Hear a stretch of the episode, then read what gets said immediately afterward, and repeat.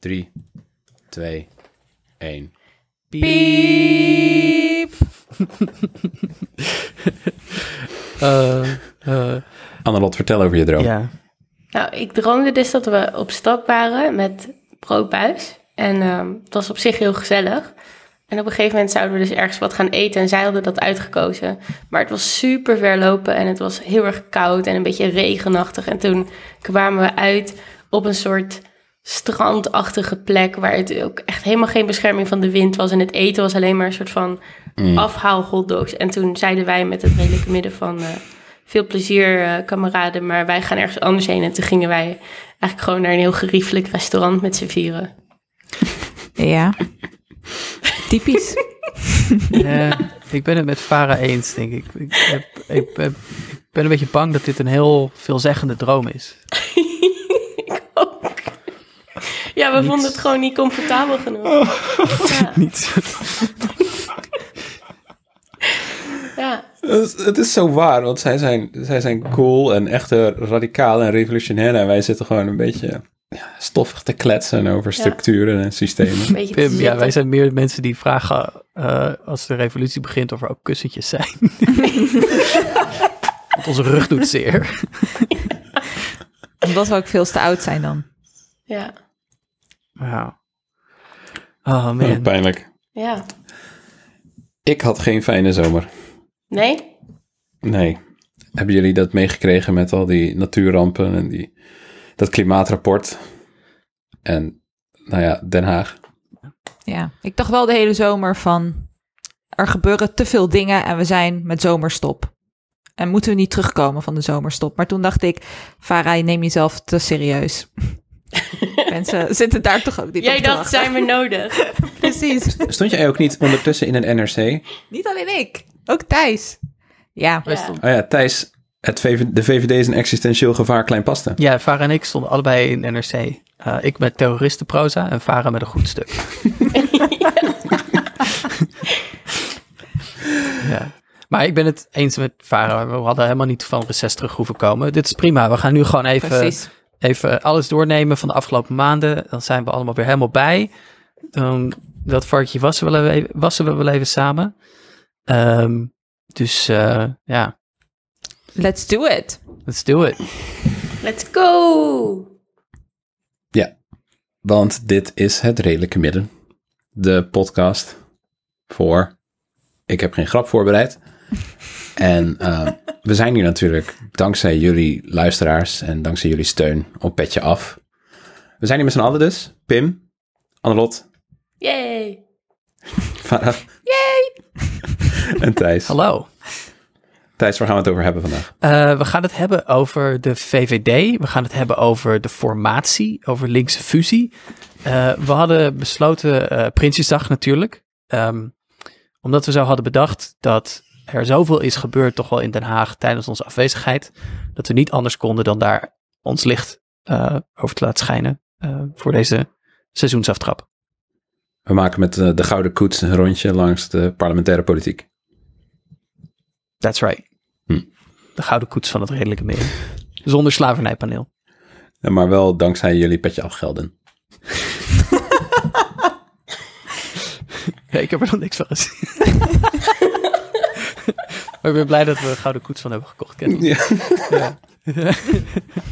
Ehm, oh man, er is zoveel dat ik bijna niet weet waar, eh, waar te beginnen. Ehm, maar ehm, misschien toch maar...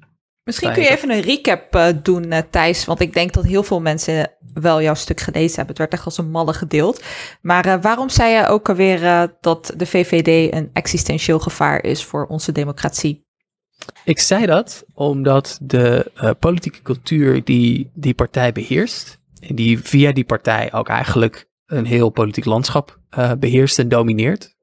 Andere partijen schikken zich naar de VVD en naar de VVD-manier van denken.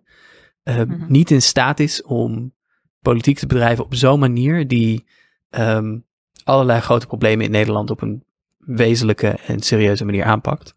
En Mhm. dat in het geval van heel veel eh, beleidsdossiers, bijvoorbeeld de woning, eh, eh, huisve- eh, de, de, de, de, de, ehm, de volkshuisvesting, ik zei bijna woningmarkt, maar dat mag ik niet meer zeggen. De volkshuisvesting. Ehm, Dat natuurlijk tot groot menselijk leed lijkt. De verdubbeling van het aantal daklozen, al die uh, huisuitzettingen, uh, wijken die worden gesloopt, huren die omhoog gaan. Ja. Uh, maar dat het in het geval van klimaatverandering specifiek um, ook letterlijk het sociaal contract dat een staat heeft met haar burgers schaadt en nietig mm -hmm. verklaart. En ja, dat, dat mag een staat niet doen. Uh, en ja. de VVD doet het wel. Um, dus dat was mijn argument in, uh, in NRC. En daar moeten we met z'n allen iets tegen doen. Daar moeten we iets met z'n allen tegen doen, ja. Maar gelukkig gaat uh, D66 in een volgend kabinet zitten. Dus dan wordt het natuurlijk heel progressief. Ja, het mooie is dat als de minister aftreedt, dan geeft hen dat uh, hun incompetentie geeft hen dan extra reden om in een nieuwe regering te gaan zitten. Want ze zijn in ieder geval integer. Ja. ja, ik moet zeggen dat ik niet bijzonder warm of koud kon worden van uh, uh, dat kennelijke gebaar van Sigrid Kaag. Omdat ik dacht, ja. maar over een paar weken ben je weer terug. Dus waar gaat het Ja. over? Ja. Ja. Uh, je treedt niet af als partijleider. Mm. Het was een beetje je een pragmatische stap in de formatie eigenlijk. Ja. Ik zeg wat je wil over Lodewijk Asscher, maar die vertrok tenminste als partijleider. Ja. Mm. Ja, en het laat ook wel een beetje zien hoe, uh, hoe laag uh, de lat ligt in Den Haag. De manier waarop er op gereageerd is door journalisten en de stukken die ernaar geschreven zijn. Uh, toen Sigrid opstapte. Dat ik wel dacht van, wow, weet je, het feit dat zij gewoon verantwoordelijkheid neemt, wat eigenlijk gewoon de normaalste zaak is. Ik bedoel, wat er gebeurd is in Afghanistan is niet niks. Uh, er zijn er mensen achtergelaten Ja. die gered hadden moeten worden. Er was geen concreet plan. Er werd gelekt dat zij hier al heel lang van afwist. En het feit dat ze wordt gepresenteerd als een topdiplomaat die van dingen op de hoogte is, vond ik toch best wel shocking om, om te zien hoe, um, ja, wanneer er echt actie ondernomen moest worden, dat ze nergens te bekennen was. En dat ze dus ook gefaald heeft. Ja. Dus wat zij deed is gewoon de normaalste zaak van de wereld. Maar omdat de VVD, Mark Rutte, CDA, die partijen die verantwoordelijkheid niet nemen, kan zij nu een soort van met de eer strijken dat ze in ieder geval integer is geweest. En ik, ja, ik vind dat best wel kwalijk als dat soort van de norm gaat worden in Den Haag en hoe ook mensen daarop reageren. Ik werd er uh, heel ongemakkelijk van. Ja. Ja, ik vond ook nog wel dat het is gewoon, het is gewoon gênant hoe snel een kinderhand gevuld is, zeg maar. Dat Ja, denk ik ook precies. wat jij probeert te zeggen. Mm -hmm. Um, dat er, um, weet je, misschien ook wel ook weer een teken van het cynisme wat er heerste. Want ik zag ook veel mensen die op het moment dat hè, die motie van afkeuring werd aangekondigd, eigenlijk al een beetje een voorschot namen op van nou, ze zal wel niet aftreden. Mm -hmm. um, er is echt een heel erg ingesleten cynisme bij heel veel mensen over het zelfreinigend vermogen van Den Haag. En dat is natuurlijk wel mm -hmm. een teken aan de wand voor het soort politieke cultuur dat we inmiddels hebben. En waar de VVD denk ik ook um, in belangrijke mate voor verantwoordelijk is. Maar ook Mhm. het CDA uiteraard. Ja, maar ook hoe de journalisten daarin mee zijn gegaan. Hè? Ik bedoel, uh, de journalistiek in Nederland is natuurlijk ook wel een, in zekere zin een controlerende macht. Um, die daarop moet toezien. Maar de manier waarop het discours in de kranten heel erg was van... Ja, maar dit is echt een strategisch ge- geniale zet van Kaag of niet. En niet echt blootleggen wat er nou echt daadwerkelijk um, ja, problematisch is aan het feit dat we dit zo evalueren. Dat vond ik heel erg gevaarlijk. Um, en ja, ik, ik vraag me ook wel af van in hoeverre kunnen we dat, kunnen we nog verwachten van zeg maar die journalistiek dat ze uh, ja, op die dingen toezien uh, en juist niet zeg maar meegenomen worden door die takes die uh, die politieke partijen hun presenteren. Ja. Ja, en ik vind het wel interessant ook om na te denken over dat vertrek van Ascher versus het vertrek ja. van Kaag en hoe we dat in de media zagen en hoe dat eigenlijk uh, ja, hele grove schandalen zijn. Hele grove schandalen zijn die um, uiteindelijk dan neerkomen op wat zo'n individu en, doet en of dat dan strategisch is of niet en hoe dat dan de carrière van die ene specifieke persoon wel of niet zal schaden in plaats van dat we het gaan hebben over um, Afghanistan of... Uh, of, uh, ja, de toeslagenaffaire. De toeslagenaffaire. Ja, ja. of het toeslagenschandaal. Ja. Maar ik bedoel, ja, want ik heb, ik, wat ik het verdrietigste vind, is dat ik eigenlijk denk dat, het, dat we nu gewoon verder gaan met het leven en uh, Afghanistan weer gaan uh, zoveel mogelijk gaan negeren. Ja. Ja, want ik vind er een verschil is dat tussen eh, de schrijvende pers en de televisieverslaggeving hierover. Dat ik vaak de, de televisieverslaggeving aanzienlijk slechter vind dan de schrijvende pers. maar zeg maar die gesmolten breinhouding van alles gaat om een soort Haags spelletje van wie Ja. praat met Juist, wie. ja, dat bedoel Ja. ik. Ja. eh, Ja, wie, wie zet deze meester zet, wie zet die andere Ja. meester zet. Weet je, de, de, de, de Ja. hele integriteit van de Nederlandse democratie kan worden uitgehold, kan in elkaar storten. De rechtsstaat kan met voeten worden getreden, Ja. kan actief worden uitgehold door verschillende Mhm. ministers. Ehm, en nog zul je journalisten op tv vooral horen praten in termen van. eh, oh ja, dit is een strategische meesterzet. Wat een move Ja. van deze partij. Nu staat die andere partij onder druk. ja. Terwijl het huis helemaal in de fik staat. Het is, Ja, eh, precies. het is net als Game of Thrones eigenlijk. Sorry voor deze banale vergelijking. Maar bij Game of Thrones heb je dan ook altijd die adel, weet je wel. Die, die smeert en die manipuleert en die doet allerlei machiavellistische Mhm. streken om elkaar eh, de pas af te snijden. Maar eigenlijk volledig buiten beeld blijft wat daadwerkelijk de betekenis is van die politiek voor iedereen die in Westeros leeft. Iedereen die niet van adel is en het met 15 prinsessen tegelijk doet. En dat zie je dan ook in de krant. Het gaat over wat, eh, hoe Rutte overeind blijft, maar niet welke levens gaan er kapot doordat Rutte overeind Precies. blijft. Juist. En ik zie nog wel een, een ander soort parallel iets gebeuren met popcultuur, wat een beetje aansluit op wat jij daar zegt, Pim. Ehm, is dat ik denk heel veel van de verslaggeving lijkt heel erg gevormd door dingen als West Wing, Borgen en House of Cards. Mhm. In Mhm. hoe we überhaupt nadenken en praten over politiek. Ehm, Precies. Als een heel groot spel, in plaats van dat we nog beseffen dat het over mensen gaat. Ja, waarbij macht en het verkrijgen van macht een doel op zich is. Precies. Ja. En dat dat ook gewoon aanvaard is vanaf het begin. Dat dat de normaalste zaak van de wereld is. En dat, dat het zo functioneert. En dat we ons daarbij moeten neerleggen. En dat er een soort van briljante analyse gemaakt van, kan worden van hoe het spelletje gespeeld wordt. Maar is dat de focus die we willen hebben? En dat is voor mij de grote vraag. Over ehm, de pers neemt makkelijk frames over die machthebbers hen presenteren. We zijn ook een beetje voor lief gaan nemen dat het demissionaire kabinet demissionair is, of niet? Ja, Ja. Is het demissionair? ja. Het is, het is de perfecte situatie voor de VVD, voor dit kabinet. Ze kunnen eigenlijk niet echt meer weg. En Nee. zolang er niet geformeerd wordt, is de VVD de de facto machthebber Ja. in, het, in het parlement. Ik probeerde dit laatst uit te leggen aan een groepje niet-Nederlanders. en ik kon ook gewoon niet uitleggen hoe dit dan democratisch werkt. Ehm, ja, Absurd. het is niet Ja. zo democratisch. Wat mij echt heel erg opvalt, als je kijkt naar zeg maar, wat het kabinet wel denkt te mogen doen en wat het kabinet niet denkt te mogen doen, Ja. Mhm. is hoe sterk dat is verweven met de neoliberale consensus in Nederland. Dus Ja. een luchthaven erdoor drukken, snelwegen verbreden, ehm, allerlei gunsten bewijzen aan grote bedrijven. Dat is kennelijk allemaal demissionair verantwoord. Mhm. Want ja, dat is immers niet politiek. Ja. Hè? De BV Nederland een beetje aanharken en onderhouden. Mhm. Maar als er dan iets moet veranderen aan de volkshuisvesting, waar een meerderheid van de Kamer ook over heeft gestemd en voorstander van is, dan zegt het kabinet nog steeds, ja, maar dat mogen we niet doen, want dat is politiek. Ja. Dat is bizar. Dus, dus zeg maar die neoliberale bestuurscultuur van de taakopvatting van een kabinet als het enige wat wij doen is op de winkel Nederland passen. Ja. En met de winkel Nederland bedoelen we de belangen van het grootbedrijf. Mhm. Is, is letterlijk wat kennelijk onder die demotionaire eh, taakopvatting valt. En alles wat zeg maar daadwerkelijk goed zou kunnen zijn voor mensen, is politiek. Ja. Het is. En, en Ja. wat dat betreft is dat demotionair zijn gewoon een extra stok om mee te slaan. Want dit is natuurlijk precies wat we in de verkiezingstijd ook hebben gehoord. Dat alles wat links is, is niet haalbaar, is niet mogelijk, kan allemaal niet. Maar geldt voor, eh, weet ik veel, wat voor rechtse hobby's je maar kan bedenken, is altijd eh, beschikbaar. Ehm, dus dat frame, dat is op zich, komt steeds terug. En nu is het nieuwe ding om dat mee neer te zetten. Ja, maar we zijn demissionair. Ja. Ja. Ja.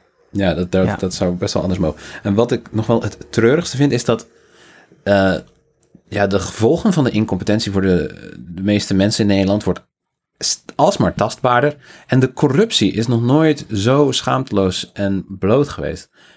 En de VVD leidt er niet onder in de peilingen. Hoe, waarom, hoe de fuck leiden ze daar niet onder? Ja, wie stemt er op VVD en waarom? Eh, ik niet. Ehm, Steek je hand Nee, ik op. ook niet. eh.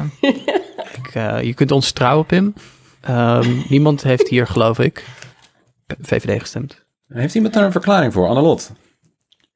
Nou ja, ik heb alleen maar eigenlijk mijn eigen eh, verklaringen die eh, zeer te vinden zijn in de cultuurwetenschappen. Is dat ik denk dat mensen heel erg geïnvesteerd zijn in de verhalen die ze vertellen over zichzelf en over hoe de wereld werkt. En dat de VVD ons gewoon eh, decennia lang al een verhaal vertelt over je moet het zelf regelen, je moet het zelf hosselen. Ehm, En dat is hoe je het maakt in de wereld. En ik denk dat we nog steeds in een rare generatie zitten eh, qua kiesgerechtigde mensen die een beetje overlapt van of je hebt zelf nog een mate van socia- sociale mobiliteit gehad, of je hebt het gezien. Ehm, en je wil dus heel graag in dat verhaal blijven geloven, denk ik. In het idee dat je los van externe invloeden er wat van kan maken. En je ziet inderdaad steeds meer dat dat eigenlijk niet kan. Ja. Ehm, en daar heb je dan eigenlijk een, of een hele, religie, hele rigoureuze omslag voor nodig, waarin je durft te zeggen, maar wacht even, ik had het mis. Ja. En er zijn allemaal factoren en daar moeten we iets mee. Of je, je moet een soort cognitieve dissonantie en volhouden. Ehm, en dat is wat ik zelf zie bij VVD-stemmers, is een, een hele ja, vastbeslotenheid in, ja, maar het kan niet allemaal mis zijn. Nee. Want dat kan niet. Ja. Dus het moet zo werken. Dus we moeten door. ja, in links We moeten geloven is eigenlijk niet meer in jezelf geloven. En dat, dat, dat Ja. is te veel. Ja. En het Ja, is maar- het moeten toegeven dat je ernaast zat. En daar, daar houden mensen ook niet van. Want links heeft natuurlijk gewoon gelijk. Ja, en er, er zit natuurlijk zo'n raamwerk achter van persoonlijke verantwoordelijkheid. Dat als er iets mis is in de samenleving, dat het echt je eigen toedoen is. En dat maatschappelijke structuren en omstandigheden daar simpelweg niet voldoende toe doen. Ja. En ik denk ook wel dat de VVD heel erg profiteert van ehm, de opkomst van de fascistische partijen in onze Tweede Kamer. Ehm, en ik Ja. denk dat wat je ziet en wat ik eigenlijk nog wel heel kwalijker vind, ehm, is het feit dat de VVD dus zichzelf probeert te presenteren als een ja, geweldig alternatief voor fascisme Het- in de Tweede de Kamer. enige als het redelijke partij op rechts. Een enige rede- redelijke partij op rechts, inderdaad. En eigenlijk als je daarbij stilstaat, ik bedoel, Thijs heeft geschreven, ehm VVD is een existentieel gevaar.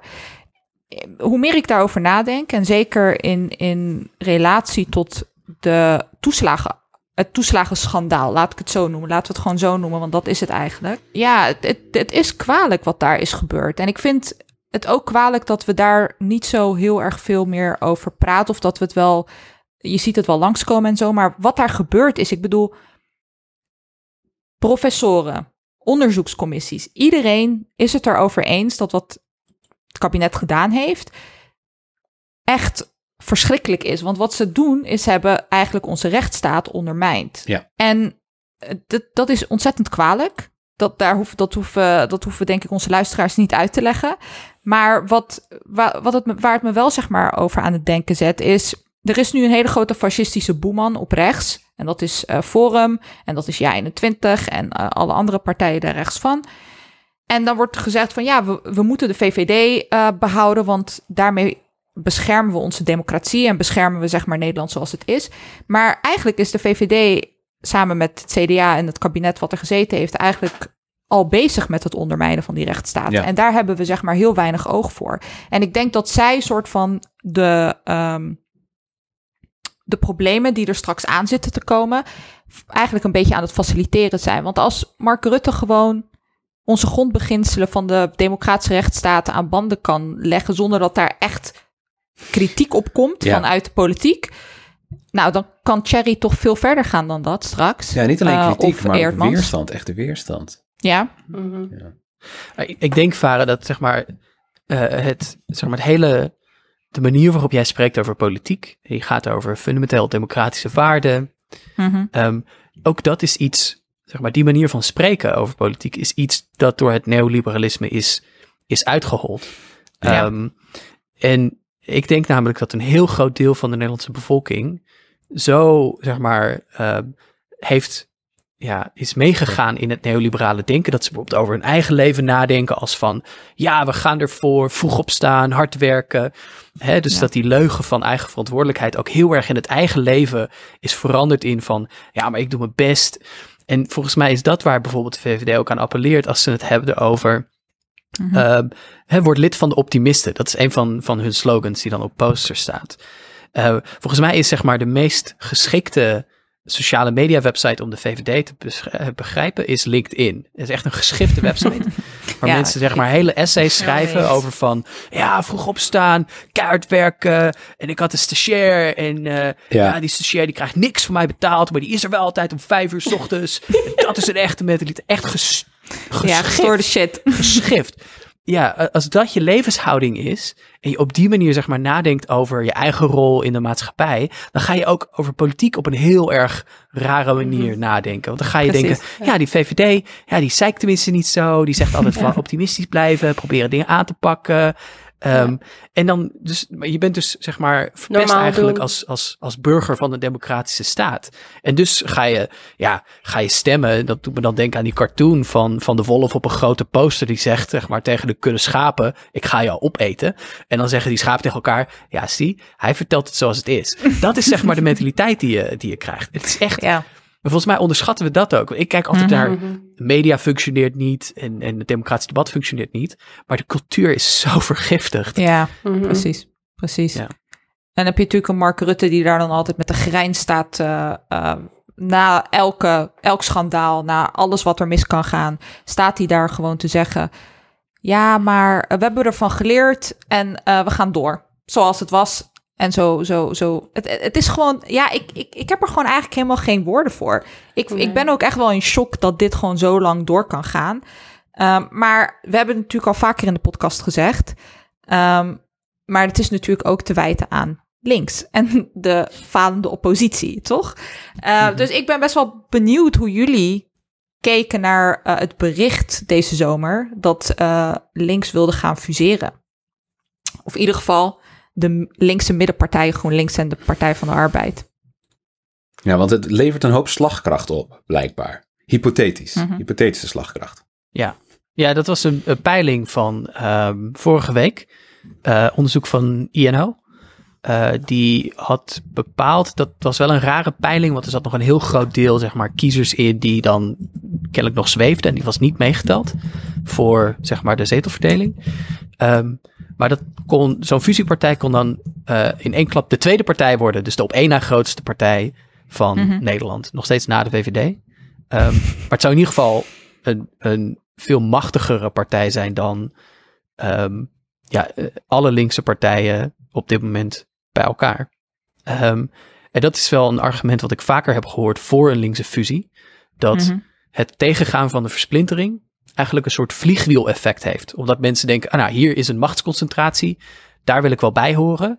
Um, en dan ook zeg maar met meer vertrouwen op zo'n partij stemmen. En dan bijvoorbeeld niet denken, nou, dan ga ik toch maar op de D66 stemmen. Ik snap ook niet hoe mensen dat denken. Waarom je zeg maar, als je links wil stemmen, je op een rechtse partij gaat stemmen. Maar goed, dat is een ander verhaal. Ja. Um, um, dus ja, ja ik, ik moet zeggen, ik, uh, ik ben voor een fusie. Ik vind een fusie een goed idee. Heeft. Zou je er ook op stemmen? Uh, nee, ik stem op bij.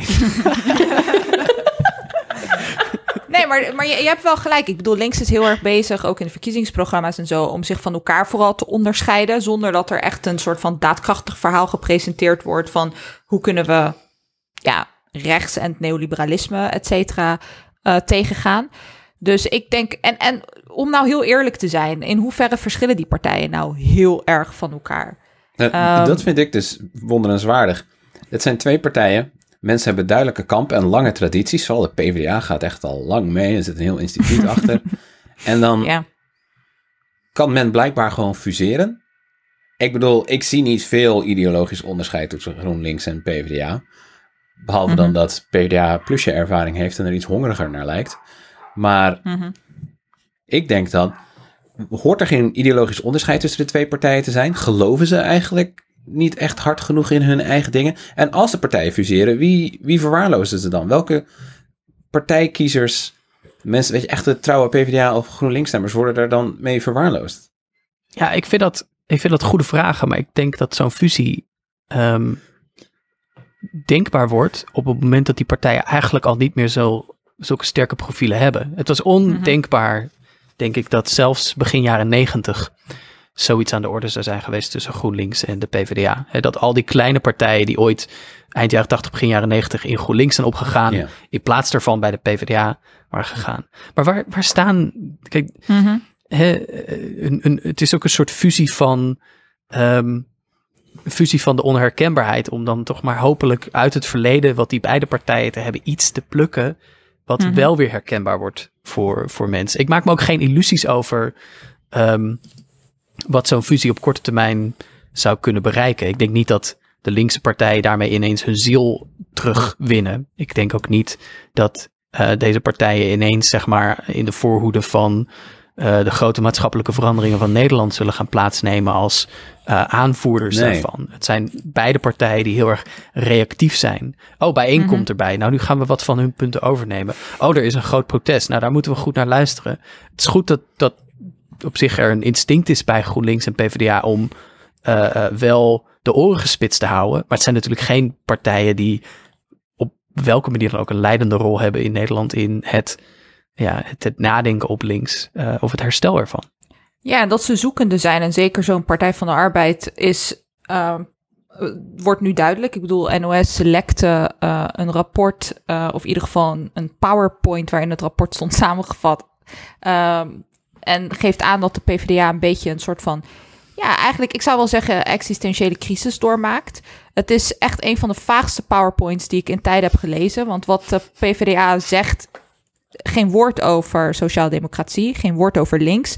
Een nieuwe taal wordt er ontwikkeld. We gaan nu praten over progressief. En progressief staat eh, gelijk aan jong. Dus eh, ze moeten de oren spitsen, ze moeten naar de jongeren luisteren.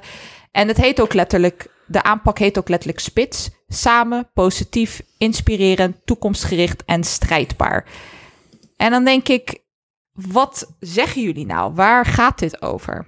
Uh, en het thema wat eigenlijk heel erg uh, ja, dicht bij de PvdA stond, bestaanszekerheid wordt dan losgelaten. Dus je ziet dat ze zijn ontzettend zoekende. PvdA en ik denk ook wel GroenLinks in zekere zin. En ik denk dat die fusie, fusie misschien wel op het juiste moment nu komt.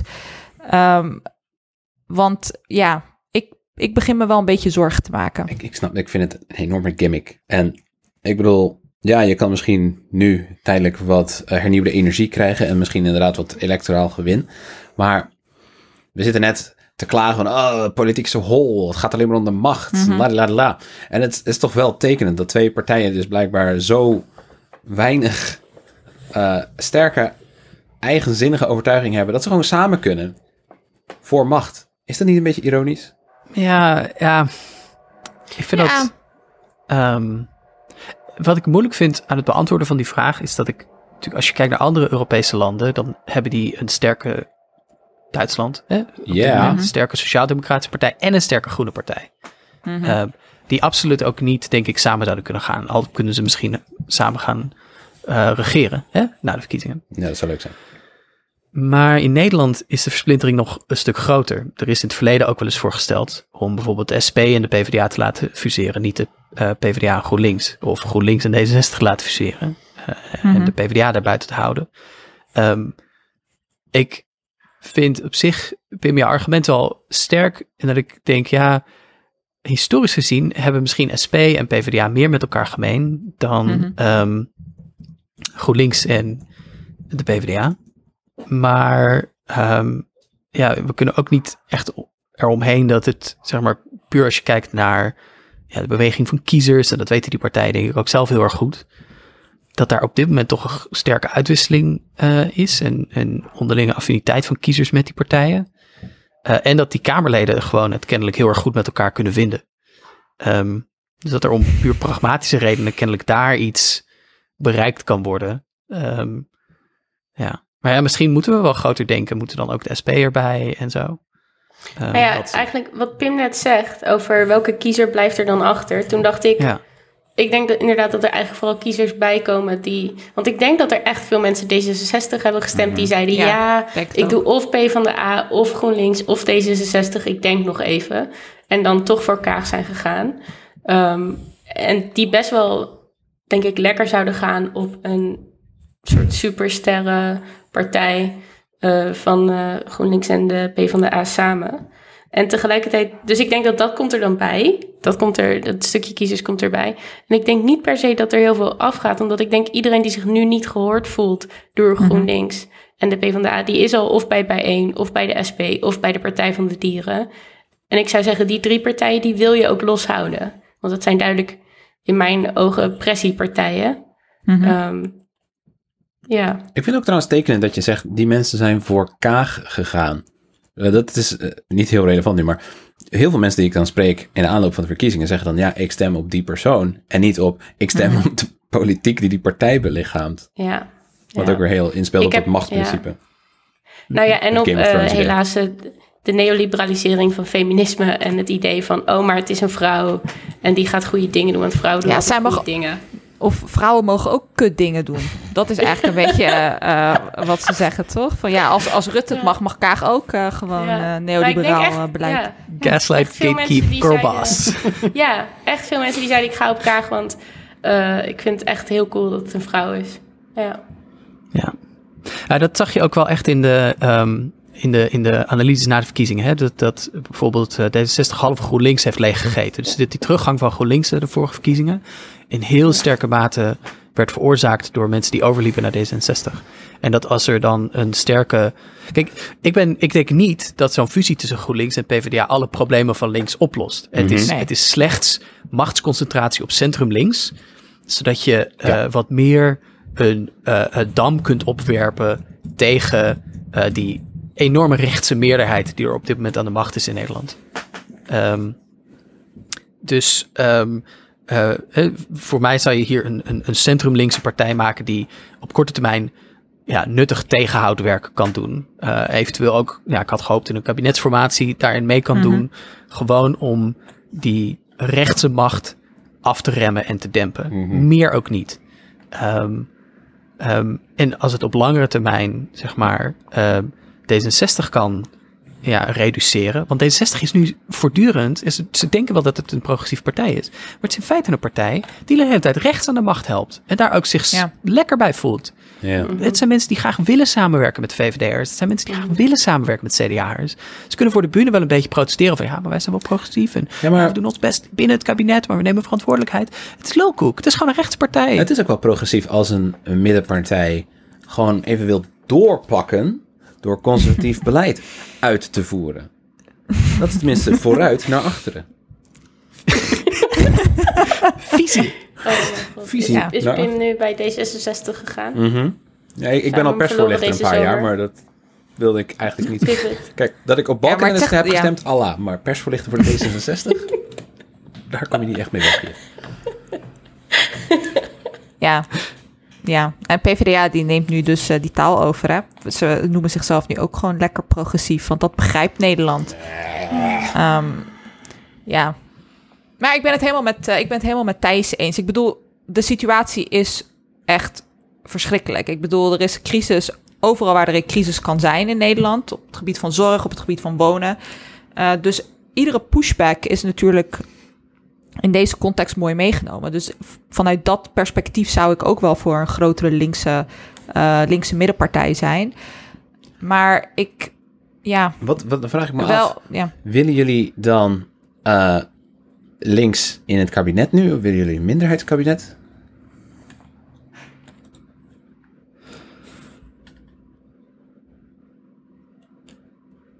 Ja, ik, met, met betrekking tot, tot dat minderheidskabinet, waar ik zo bang voor ben, is dat dat, dat, dat wordt gewoon een continuatie van dat demotionaire, dat demotionaire politiek eh, bedrijven. Weet je wel? Dus eh, dan gaan ze elke keer op zoek naar eh, een meerderheid. En dan wordt de focus weer op dat hele tactische. En hoe, hoe kun je die meerderheid krijgen? et cetera. Dus uiteindelijk gaat het ook niet om echte visie. Ik denk dat het voor Rutte eh, en zijn gelijke heel goed zou zijn. Dit is denk ik waar hij echt heel goed op teert. Maar ik denk dat het voor links eh, heel slecht zal zijn. Ik denk dat ze echt met een goed verhaal moeten komen.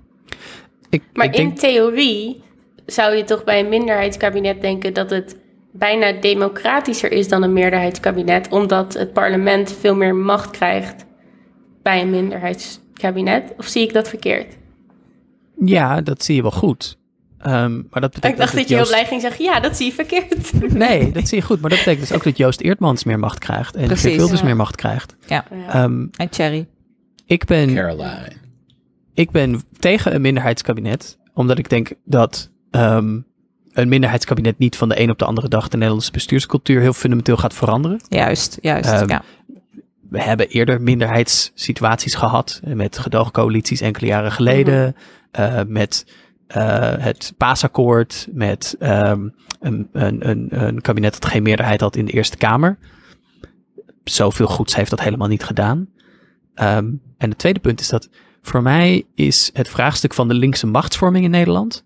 En het op korte termijn afstoppen van de rechtse machtsconcentratie. En voortzetting van Ja. het rechtse beleid in Nederland zijn twee verschillende dingen.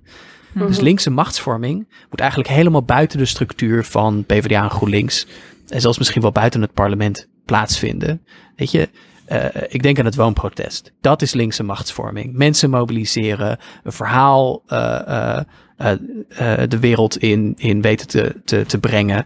Eh, gigantische eigenlijk omwenteling in de manier waarop we praten over dit, eh, ehm, dit probleem. Eh, en ik, oh man, het zou zo vet zijn als we de audio van, van Fatima hier even kunnen inknippen. Geen kankerduur kankerhuis. Ehm, en ehm, dus dat, dat is helemaal een apart project. En als dan in de tussentijd twee centrumlinkse partijen, GroenLinks en PvdA, deelnemen aan het kabinet, zodat ze in ieder geval Joost Eermans buiten de knop van de macht kunnen houden, dan heb ik daar volstrekt geen problemen mee. Niet omdat ik denk dat ze extreem veel goed zullen gaan bereiken, maar omdat ze als een demper werken op hoeveel slechte dingen er anders kunnen gebeuren. Ja, En dat is echt het, het, maar dat is nodig.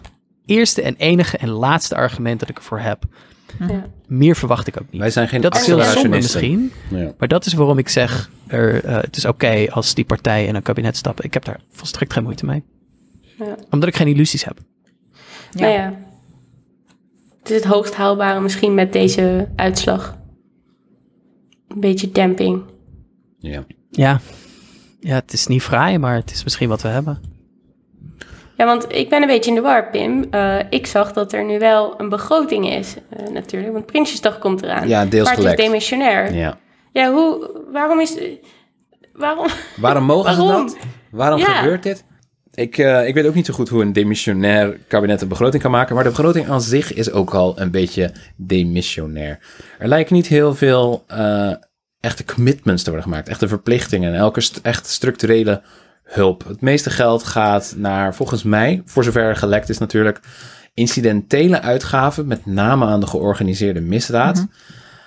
Want eh, ja, we hebben natuurlijk gezien afgelopen jaren hoe bijvoorbeeld advocaat Dirk Wiersum is doodgeschoten. En deze zomer Peter R. de Vries. Um, en dat heeft ons een beetje wakker geschud wat betreft de omvang van de georganiseerde misdaad in Nederland. Maar in tegenstelling dat er nou inderdaad veel geld gaat naar bijvoorbeeld eh, een legalisering of bijvoorbeeld het bieden van alternatieven voor jongens die de georganiseerde misdaad ingaan, omdat die simpelweg daar makkelijk het meeste geld verdienen en hen geen alternatief wordt geboden. Ehm, gaat natuurlijk het, het gros gewoon naar politiewerk. Maar ook naar beveiliging natuurlijk van mensen in, eh, die getuigen of in de rechtspraak werken tegen georganiseerde misdaad. Daar kan niemand echt tegen zijn, denk ik. Maar bijvoorbeeld, eh, er gaat veel te weinig geld naar de woningmarkt. Het stikstofprobleem wordt eigenlijk een beetje vooruitgeschoven naar het volgende kabinet. Want dat, is, dat vergt natuurlijk een impopulair ingrijpen. Dat een demissionair kabinet dan weer Ja, maar dat is dan weer politiek. Ja, dat is politiek, eh, Thijs. Daar moet, Ja. je, daar moet je mee uitkijken. Maar inderdaad, gewoon 550 miljoen naar de politie geven. ja. Positief van. Is, eh, dat, dat, dat, dat is dan weer too... Ja. Dat is dan weer... Ja, op zich gaat onder een eh, kapitalistische begroting natuurlijk al het geld naar de georganiseerde misdaad. Ehm, Ja. Ja, maar het is ehm, bijvoorbeeld eh, Roberto Saviano, dat is de schrijver van eh Gomorra, is een boek dat een beetje onthult hoe de eh, Italiaanse maffia werkt. Ik geloof de Ndrangheta, maar ik weet dat niet zeker. volgens mij klopt dat. Die ja. schreef ook in het NRC in juli over hoe het Nederlandse financiële systeem zo ontzettend gunstig is voor de georganiseerde misdaad. Hoe makkelijk het maakt om te witwassen en hoe bijvoorbeeld nu de woningmarkt een perfecte investeringsmogelijkheid is voor al dat drugsgeld. Dat is walgelijk. Echt een, een kutland is perfect voor boeven. Ja, en ehm, eh, eh, voor zover dit kabinet dan extra geld uittrekt voor de volkshuisvesting in de begroting, eh, trekt het ook alleen maar geld uit om die woningmarkt nog aantrekkelijker te maken voor huisjesmelkers en witwassers en, en al dat soort figuren. Ehm, want hè, dan, dan zegt het, ja, we hebben geluisterd naar het woonprotest, dus er komt nu extra geld voor de volkshuisvesting. Ja, Ja. een miljard. Nee. En dan schrijven media dat allemaal enthousiast op. Oh, het kabinet trekt een miljard uit. En dan ga je lezen en dan blijkt dat het alleen maar gaat naar Precies. het kennelijk versnellen van de woningbouw. Terwijl iedereen met hersenen in zijn hoofd die niet Daniel Koerhuis is, weet dat er geen woning tekort, er is geen tekort in absolute aantallen woningen. Er is te veel geld. De financieringsstructuur van de volkshuisvesting deugt van geen kant. En wie ligt er Nee. dan dwars tegen de meerderheid van de Tweede Kamer in om bijvoorbeeld de verhuurdersheffing af te schaffen? Tada, dat is de VVD. Diezelfde kutpartij die eh, enkele weken geleden overal aan het janken was. Dat Ja. mensen van het woonprotest zeggen, ja, maar wij, eh, VVD, jullie zijn tegen de VVD, terwijl wij willen het ook oplossen. Het woonprotest is niet constructief. Nee, de VVD is gewoon een kutpartij die iedereen voor het lapje probeert te houden. Echt En een helemaal kutpartij. dus- Ik haat dit zo.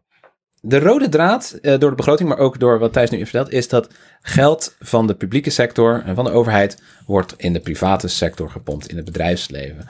En het lijkt dus alsof er geïnvesteerd wordt, maar inderdaad bijvoorbeeld gewoon de zakken van huisbazen worden gevuld. Ja, maar ook maar de manier wat, wat, wat. Thijs dan ook zegt, hoe dat dan wel weer in de pers staat. Ja, er gaat nu Mhm. geld naar het klimaat. Dat is het eerste wat je dan, eh, wat je dan leest. Nee. VVD en CDA gaan geld pompen in En dan denk je, ja, maar in wat precies? En dat is precies, dat is zeg maar precies waar we aan het begin van de aflevering over hadden. De manier waarop er gesproken wordt over politiek. En de grote thema's zogenaamd. Alles moet behapbaar zijn, maar daardoor ver- verlies je Ja. dus dan ook gewoon echt hoe die structuren werken. En ik denk dat mensen ehm, juist daarover geïnformeerd moeten worden. Ja, want als je kijkt naar de klimaatuitgaven in de begroting, dat zijn dus voornamelijk subsidies voor eh, verduurzaming van bedrijven. En als er dus eh, iets wordt gedaan voor burgers, is dat eh, de aanschaf van je Tesla wordt gesubsidieerd, verder gesubsidieerd. En dat is, het klinkt leuk, maar dat lost niks op, want er wordt niks gedaan aan inderdaad hoe de economie is georganiseerd of überhaupt fundamenteel gezien onze energievoorziening. Er wordt niks gezegd over kolen. Oh ja, kolen, ik weet niet of we die moeten gaan sluiten. Hoor. En er is natuurlijk ook een We moeten de rechtszaak, hè? nog niet We moeten natuurlijk niet vergeten dat er ook een Ja. rechtszaak is. Dus ze kunnen ook niet anders. Ja. Mhm. Ja. Dus het is niet de verdienste. Ik haat het. hey, we, we leven in een kutland. Er is een verziekte politieke cultuur. De VVD blijft maar groeien. Ja.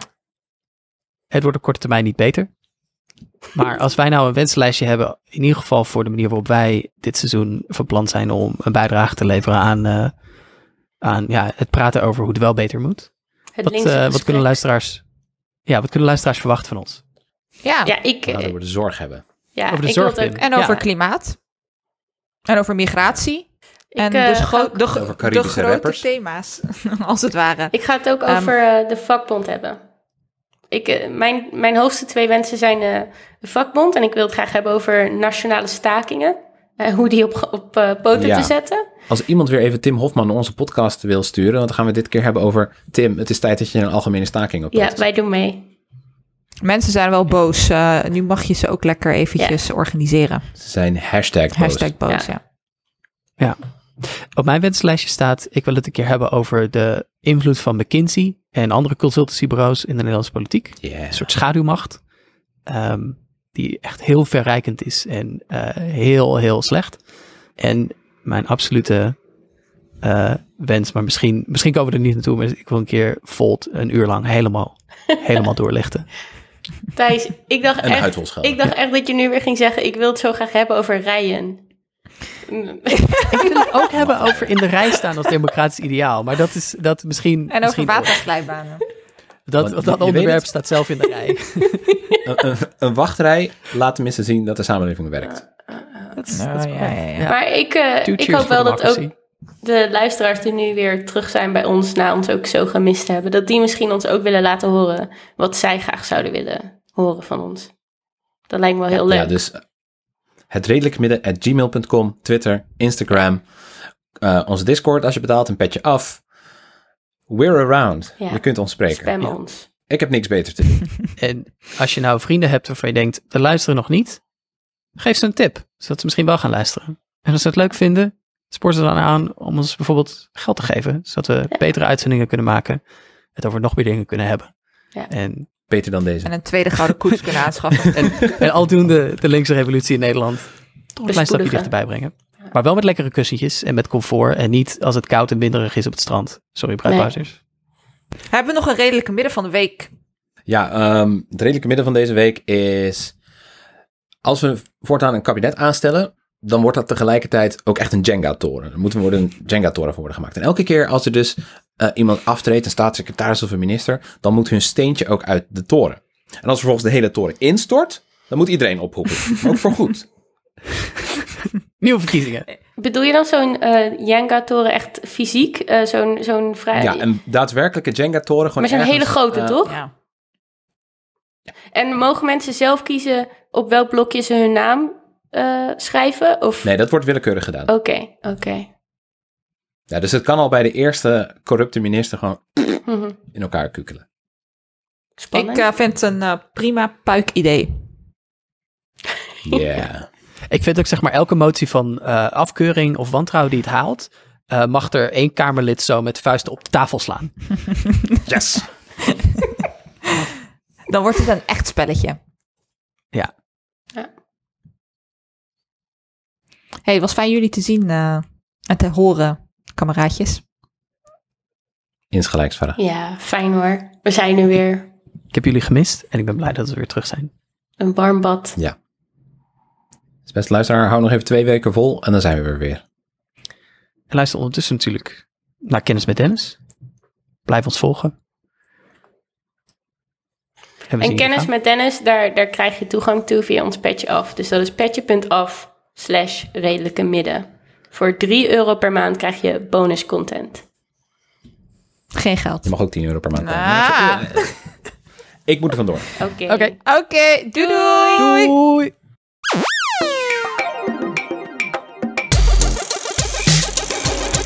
Het lelijke midden.